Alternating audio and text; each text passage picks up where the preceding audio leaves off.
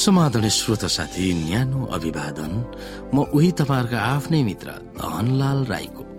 श्रोता साथी आज म तपाईँको बीचमा बाइबल सन्देश लिएर आएको छु।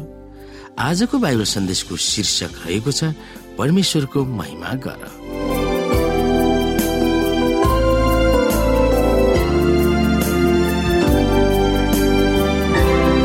श्रोता परमेश्वरलाई महिमा देऊ भनेर प्रकाश चौध अध्यायको साथले हामीलाई बारम्बार भनिरहेको छ।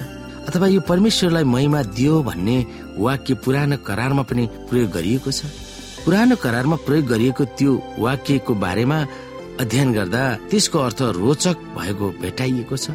यो वाक्य प्राय जसो परमेश्वरको न्यायको सन्दर्भमा प्रयोग गरेको हामी पाउँछौ।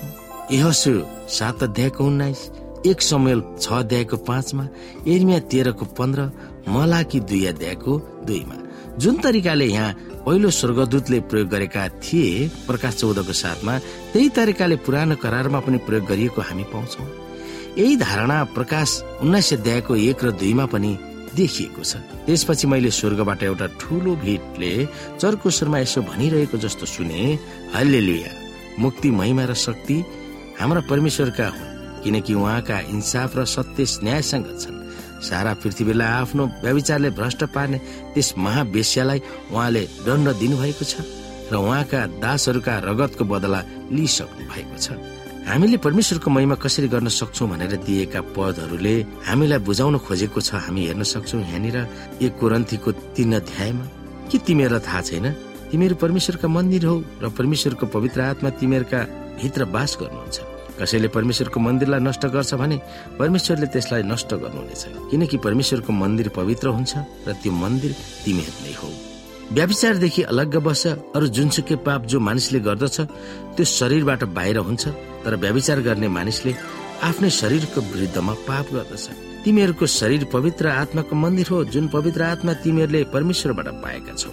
र उहाँ तिमीहरूमाथि बास गर्नुहुन्छ। यो भन्ने के तिमीहरूलाई थाहा छैन? तिमीहरू स्वयं आफ्नै होइनौ तिमीहरू मोल तिरेर किनिएका हो। यसकारण तिमीहरूका शरीरमा परमेश्वरको महिमा गर।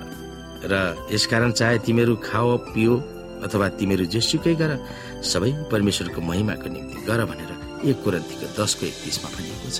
हाम्रो भौतिक शरीरको विषयमा प्रेरित पावलको धारणा स्पष्ट छ। हाम्रा भौतिक शरीरहरू परमेश्वरको पवित्र स्थान आफै हो। तिनीहरूमा परमेश्वरको आत्माले बास गर्नुहुन्छ। यसले हाम्रो मरणशील शरीर भौतिक मात्र होइन आत्मिकी पनि हो भनेर पुष्टि गर्दछ। परमेश्वरको उपस्थितिले मन्दिर पवित्र हुन्छ। हाम्रो जीवनको प्रत्येक पक्षले परमेश्वरको महिमा गर। उहाँको इज्जत थाम भनेर बाइबलले ठुलो स्वरले हाम्रो सामु घन्काउँदछ। जब हामीले हाम्रो जीवनको केन्द्रबिन्दु परमेश्वरलाई बनाउँछौ तब हामीले जे गरे तापनि उहाँको महिमा गर्ने लक्ष्य र चाहनाले अघि बढ्छौँ। हाम्रो खानपिनमा हामीले लगाउने वस्त्रले हामी शरीक हुने मनोरञ्जनले हाम्रो जीवनशैलीले वा अरूहरूसँग गर्ने अन्तर्क्रियाले हाम्रो होइन परमेश्वरको महिमा गर्न र उहाँको इज्जत राख्न गर्छौँ। जब परमेश्वरको इच्छा पूरा गर्न हामीमा भएको प्रेमको चरित्र स्वभाव र मिजाजलाई संसारको सामु प्रकट गर्न प्रतिबद्धता जनाउँछौ र त्यस अनुसार चल्छौँ तब उहाँको महिमा गर्छौँ र उहाँले उहाँको नाउँ र इज्जतलाई थामी राख्छौँ। युगको अन्तमा हुने न्यायको परिवेशमा यो त झन महत्वपूर्ण छ। हाम्रो जीवन आंशिक आत्मिकतामा मात्र होइन र हाम्रा निर्णयहरू पुरै रूपमा समर्पण गर्नुपर्छ भनेर पावलले जिकिर गरेका हामी रोमी बाह्र अध्यायको एक दुईमा हेर्न सक्छौ। यसकारण भाइ हो परमेश्वरको कृपालाई ध्यानमा राखी म तिमीहरूलाई अनुरोध गर्दछु कि तिमीहरूको आत्मिक उपासनाको रूपमा आफ्ना शरीरलाई पवित्र र परमेश्वरलाई ग्रहण योग्य हुने जिउँदो बलिको रूपमा अर्पण गर। यस संसारको ढाँचामा नचल तर आफ्नो मनमा नयाँ भई पूर्ण रूपले परिवर्तित हो र परमेश्वरको असल ग्रहण योग्य र सिद्ध इच्छा के हो त्यो तिमीहरूले जाँच्न सक भनेर रोमी बाह्र अध्यायको एक र दुईमा लेखिएको छ।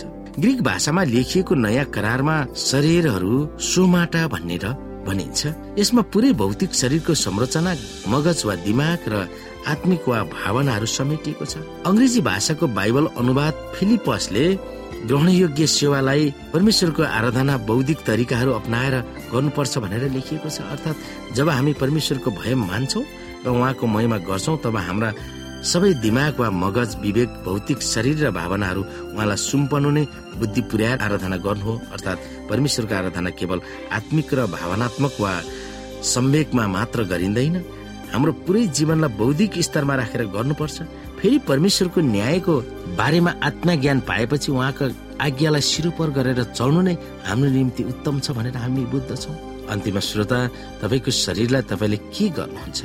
त्यसको बारेमा हामी सोच्न सक्छौँ। तपाईँले जे गर्नुहुन्छ त्यसले परमेश्वरको महिमा र इज्जत थामिरहेको छ भनेर तपाईँ कसरी ढुक्क हुन सक्नुहुन्छ? त्यो विषयमा तपाईँ हामी सोच्न सक्दछौँ।